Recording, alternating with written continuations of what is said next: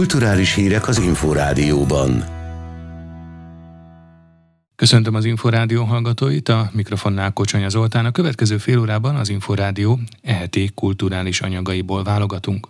Idén is csatlakozhatnak a hazai intézmények a Kultúrházak éjjel-nappal rendezvény sorozathoz, amelyet ezúttal szeptember 24-től 26-áig rendez meg a Magyar Népművelők Egyesülete. Tatár Timának mondta el a további részleteket Novák Péter, a Kultúrházak éjjel-nappal védnöke. Legkisebb településen is van valamilyen olyan kulturális törekvés, hogy valamelyest azt a közösségi élményt szolgálják, ami a kultúrához kötődik, vagy a kultúra különböző műfajaihoz. Ennek értelmében a Kultúrházak éjjel-nappal rendezvény sorozat egy logikus ötlet volt annak idején, amikor életre hívták. Ez a lehetősége van a kultúrházaknak egy nehéz financiális helyzetben arra, hogy a saját működésükre és az épületben dolgozókra irányítsák a figyelmet. Milyen jellegű pályázatokat hirdetnek az idén? Az idén is, mint minden alkalommal a pályázatoknak a lényege, hogy egy minél színesebb program gyűjjön össze. A kultúrház fogalmába ugye az a fajta műfai sokszínűség tartozik bele, amit az előbb is megfogalmaztam, így aztán a döntnökök elsősorban azokat a pályázatokat keresik, amelyek valamilyen kuriózumot tartalmaznak, vagy minden szélesebb spektrumban, skálán igyekeznek lefedni a kulturálódásra való vágyunkat, vagy igényeinket. Számtalan példát tudok mondani az elmúlt évekből, volt, ahol rendkívül klasszikus, de nagyon jól kitalált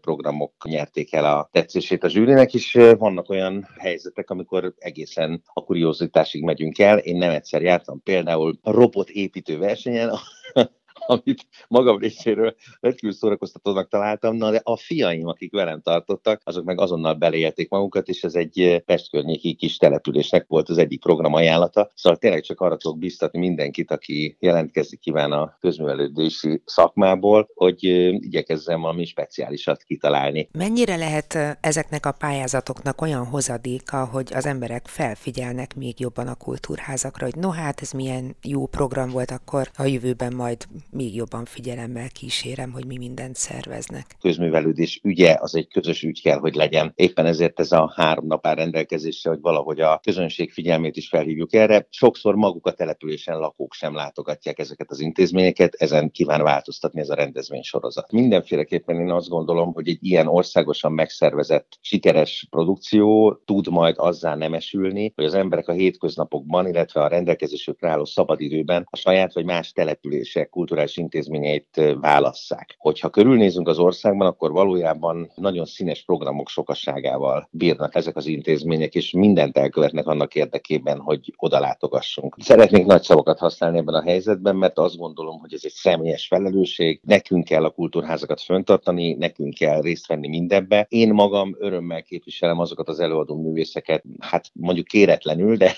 mindenképpen jó szándékkal minden műfajból, akiknek ez a megélhetés működését biztosítja. Ha nem lennének művelődési házak, nem tudnánk előadásokat létrehozni. Nem tudnánk előadásokat létrehozni, nem tudnánk fölmenni a színpad. És ennek csak egy része az egzisztencia. Egy nagyon fontos morális helyzet is ez. Egyrészt a színpadon álló embernek a felelősségéről is szól, na de hát arról is, hogy természetesen lehet kultúra nélkül élni, csak minek. Vág Pétert a Kultúrházak éjjel-nappal rendezvény sorozat védnökét hallották. Egy különleges koncerten a 60-as évek két ikonjának szellemisége elevenedik meg július 4-én a Barba Negra Trek színpadán. Hobo zenekara két mesteréről emlékezik meg. Jim Morrison 50, Brian Jones 52 éve hunyt el. Tatár Tímea kérdezte a koncertről a Kossuth Díjas blues énekes dalszerző előadóművészt. Ez a két ember ugyanazon a napon volt meg két év különbséggel, és az én két kedvenc zenekarom tagjai vagy vezérei voltak és amikor én elkezdtem játszani a 70-es évek végén, megalapítottam a Hobo Blues Bandet, akkor szinte kizárólag csak Rolling Stones és Doors dalokat játszottam magyarul, egy-két néger blues kiegészítve. Tehát azt, amit én kaptam tőlük, azt megpróbáltam, és most is megpróbálom továbbadni. Hogyan jelenik meg ez az ön saját szerzeményeiben? Az egyik első saját dalomnak az ott a címe, hogy Rolling Stones Blues, és abban van egy ilyen utalás, hogy meghalt a gitáros felszállt az lepke. Az első volt a sorban, és még hány követte. Ebben tulajdonképpen benne van Jim Morrison, vagy Janis Joplin, meg Jimi Hendrix is, hiszen én ezt 78-ban írtam ezt a dalt, ők meg 69 és 71 között haltak meg mind a négyen. Ezen kívül van egy Nekem is fáj című dal, később a, a 80-as évek elején. Ezen kívül pedig van még egy dal, aminek az a címe, Blues Jim Morrisonnak, sokkal később írtam, 20 évvel később. Meg van egy vers, én nem szoktam verseket írni, amit uh, akkor írtam, amikor a Jim Morrison sírját fölkerestem a Párizsi Perlosens temetőben. Ez az ön részéről egyfajta törekvés is arra, egyfajta küldetés, hogy a mai generáció is megismerje ezeket a nagyokat, és tovább éljenek bennük is? Nem, én nem törődöm azzal, hogy ki ismeri meg őket, hanem én úgy érzem, akár a zenében, vagy akár a költészetben, mert legyen az szó akár melyik híres költőről, Ginsbergről, vagy József Attiláról, vagy Adiról, hogy amit őtőlük kaptam, azt adjam tovább. Nekem az a kötelességem, hogy ezt csináljam. Azt, hogy ez kiket érdekel, vagy azt én nem tudom egészen pontosan, az különösen nem, hogy a mai fiatalokat mennyire érdekli egy 50 vagy 52 évvel ezelőtti nagy rock egyéniség életműve vagy élete és halála, hanem ez nekem egy ilyen hát mániám. Július 4-én is várja a nagy érdeműt. Mire számíthatnak, milyen műsorra? Körülbelül olyan két órás műsor, és nekem van egy ilyen elvem, hogy nem azt számít, hogy hányan vannak, hanem az, hogy kiknek játszunk. Úgy gondolom, hogy olyan emberek jönnek el, akiket a zenének a mélysége érdekel, nem a feltétlenül legsikeresebb Rolling Stones vagy Doors számokat játszuk el, hanem azokat is, amelyekben a szövegnek nagyobb szerepe van, nem csak a ritmusnak, vagy a zenének egy rész, másrészt pedig Morrison versek is leszek, amelyekhez nincs zene, csak háttér kíséret lesz. Tehát nagyon súlyos számokat, vagy nagyon alpári témas számokat játszunk, amik esetleg megmorzsoltatják az embereket, és a rock zene és a blues zene közötti vékony jégen próbálok majd átjutni a zenekaromon a túlsó partra. A kánikulában? Hát igen, a jég és a kánikula ezekben az esetben. Ez az, ha már szóba hoztak kánikulát, akkor lehet, hogy elég hamar elolvad a jég, és én lezuhanok, de hát most már nem lehet visszavonni, úgyhogy lesz, ami lesz, belevágunk. Földes László Hobó Kossuth Díjas magyar blues énekest hallották. Dresscode Szecesszió címmel nyílt kiállítás a Rád György villában. A tárlata a 19.-20. század fordulóján élő nők gardróbjába és életmódjába nyújt betekintést. Az egyre praktikusabb öltözékeket és kiegészítőket akkoriban gazdag hímzés, gyöngyök, flitterek, csipke és növényi motivumok ékesítették. Az Iparművészeti Múzeum időszaki kiállítása augusztus közepéig látogatható.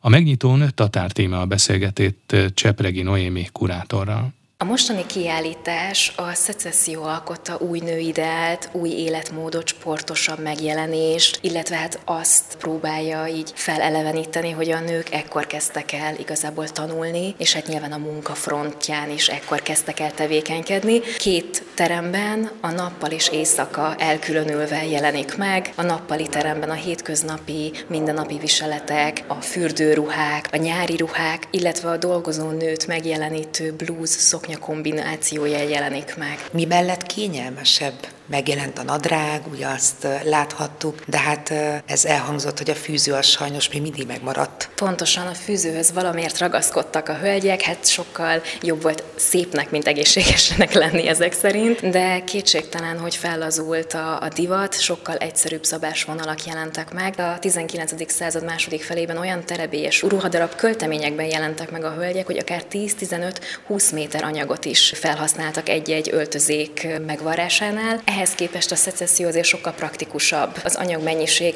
3-4 méterre mondjuk így lerövidült. A sport a hétköznapi élet, hogy a nők A pontból B pontba el kellett, hogy jussanak, az ilyen terebélyes szoknya kreációk egyszerűen már nem fértek bele a mindennapi viseletbe. Csebregi Noémit az Iparművészeti Múzeum Dress Code Szecesszió című kiállításának kurátorát hallották. Koszorúzásra emlékeztek meg tisztelői és rokonai a száz éve született Ötvös Gábor artistára, zenebohócra, Domanics András beszélgetett a 200 éves artista dinasztia tagjával, Ötvös Gábor fiával, Ötvös Tiborral önkormányzat kezdeményezésére egy koszorúzást tartottunk azon az emlékművön, amit az önkormányzat helyezett el az ő tiszteletére, azon a lakáson, ahol ő lakott sokáig.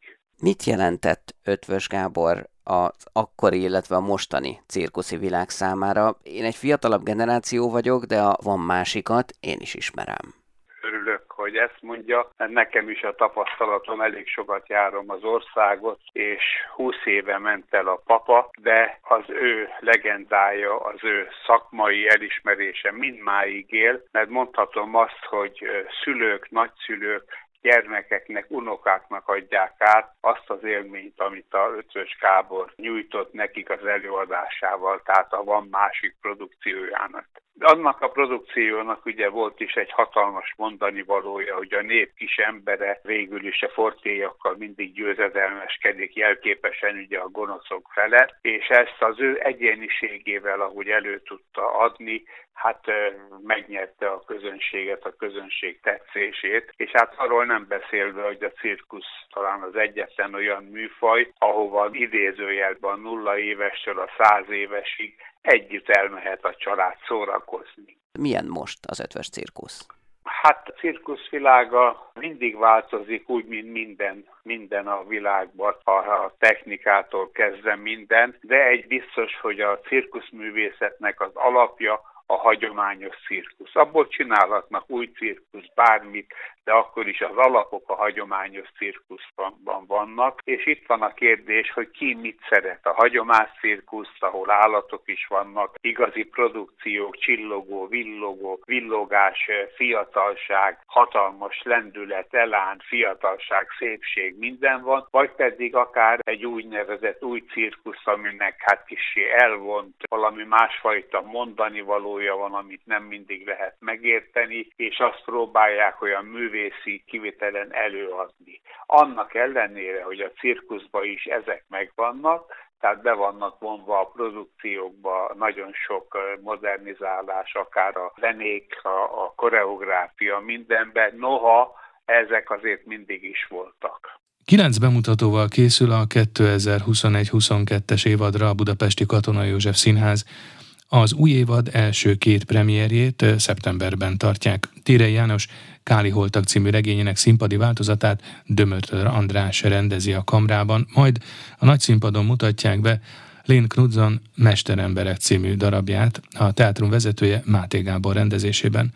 A Katona József Színház igazgatójával Rozgony Ádám beszélgetett az új évadról. Hogyan válogatták ki az előadásokat, hogyan határozták meg, hogy majd következő évadban mivel várják? Hát egy része, egy része ezeknek az előadásoknak ezek könnyű volt kiválasztani, mert ezek azok az előadások, amik elmaradtak, amik nem tudtuk, amiket nem tudtuk vagy bepróbálni, vagy csak félig próbáltunk be, és azokat szeretnénk bemutatni. Tehát eh, akár a Káli voltak, akár az Istenhaza család a kamrában, akár a teremtmények a kamrában, és akár az apák és fiúk, illetve a Moszkva-Peking Transzimfónia a nagy színpadon, ezek mind-mind már előző évben, években meghirdetett produkciók, tehát tulajdonképpen ezeket csak, csak idézőjelben mondom, el kellett helyezni az évadi naptárban, az évadunk naptárában, és akkor ehhez képest találtunk még olyan lehetőségeket, amiket abszolút optimizmussal még úgy érezzük, hogy ki tudunk tűzni. Tehát most úgy csinálunk, azért is, hogy magunkat is, is bátorítsuk természetesen,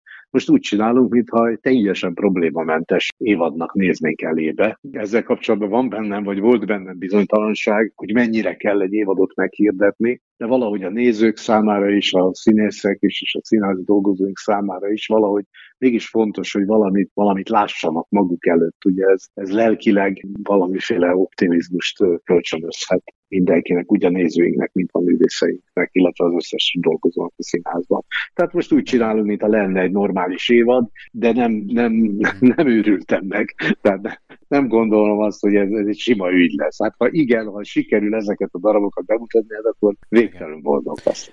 Lesz ugye Spiró darab, igen, igen, de igen, igen, a ókori dráma felé is azért kitérést tesznek. Igen, az Istenhaza család, ami ókori drámák alapján készül, készül, készülődik, mert ez már egy hónapot próbált, tehát ők, ők már az a, az a produkció már próbált októbertől november elejéig, közel egy hónapot próbáltak, most egy újabb hónap vár majd rájuk. A Spiro darab pedig, amit Zsámbéki Gábor rendez majd a, a kamrában, egy nagyon izgalmas mű, az úgynevezett Kádár darab, tehát Kádár Jánossal kapcsolatos darab, ami most ezt nem állítom, hogy a Katonai Színház számára írt, mert akkor is megírta volna Spiro, hogyha nem, nem játsszuk el, de ez egy egészen friss darabja, ami nem is olyan régen jelent meg nyomtatásban, tehát, tehát ez egy igazi, különleges ősbemutató lesz, és, és egy nagyon izgalmas darabról van szó. De föllelhető egy, egy még, még ennél is különösebb vállalkozás, Molnár Ferenc üvegcipője, amit a kamrában fogunk játszani majd az évad végén, vagy reméljük, hogy fogunk játszani Székely Kriszta rendezésében, aminek ugye tényleg az a különlegessége, egyrészt ugye egy kis térben, tehát nem egy szokott nagy térben, ami azért Molnár esetében mindig megütközést kelt, mert annyira sikerszerző, sikeres darabjai vannak, annyira szeretik a nézők a Molnár darabokat, hogy bizonyára lehetne egy 1200 személyes nézőtéren is játszani, milyen helyet száz személyes nézőtéren játsszuk majd, és hát a másik pedig az, hogy Székely Kriszta ugye a új generációnak az egyik legjelesebb képviselője, színházunk rendezője, tagja. Ő nyit most Molnár Ferenc felé, ami azért is különleges, mert a Katona József Színházban eddig még csak én, én rendeztem Molnár Ferenc a játékkastélyban 2000-es évek elején, és hát nagy, nagy érdeklődéssel várom majd ezt a produkciót. Ezzel párhuzamosan marad az online jelenlét is? Hát most ezt attól tesszük függővé, mert most, most olyan zsúfoltnak tűnik a program, hogyha ezt, ezt mind végig tudjuk csinálni, akkor kíváncsi leszek, hogy, hogy mennyi erőnk marad online megjelenésre, de abban a pillanatban, ahogy jönnek a bajok, akkor rögtön átállunk valamiféle online gyártásra.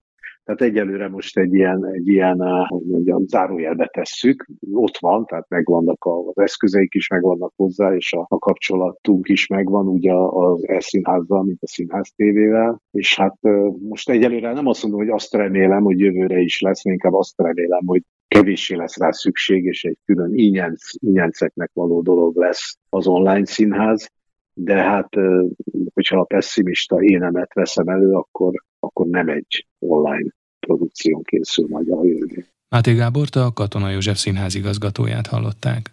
Új értelmet ad az LGT daloknak a Csík zenekar egyedülálló hangszerelése. A feldolgozásokból egy közös lemez készült, amely több évnyi ismerettség és közös zenélés után tavaly év végén jelent meg, mondta az Inforádiónak a felvételek elkészítésében közreműködő Karácsony János, aki az LGT-ből is ismerte zenésztársával Presser Gáborral országos koncertturnéra indul július közepén a nép- és világzenét játszó együttessel. Karácsony Jánossal Rozgonyi Ádám beszélgetett azt mondtuk, hogy ennyi dal elkészült más, és ilyen nagyszerű fúziót alkot, akkor adjunk ki egy albumot. 10-12 dal, 15 dal, ennyi, ennyit játszunk kvázi, mint vendég, vagy ennyit játszottam velük, mint vendég, meg ugye a Feszer Gábor is. Így aztán ez a, hogy olyan kívánalom, ez, ez a szándék, ez testet öltött, és pedig úgy, hogy 20, ugye karácsonyan megjelent az album. És ennek a folyamodmánya ugye, hogy most ugye felszabadultunk, legalábbis reméljük, hogy így is marad, a COVID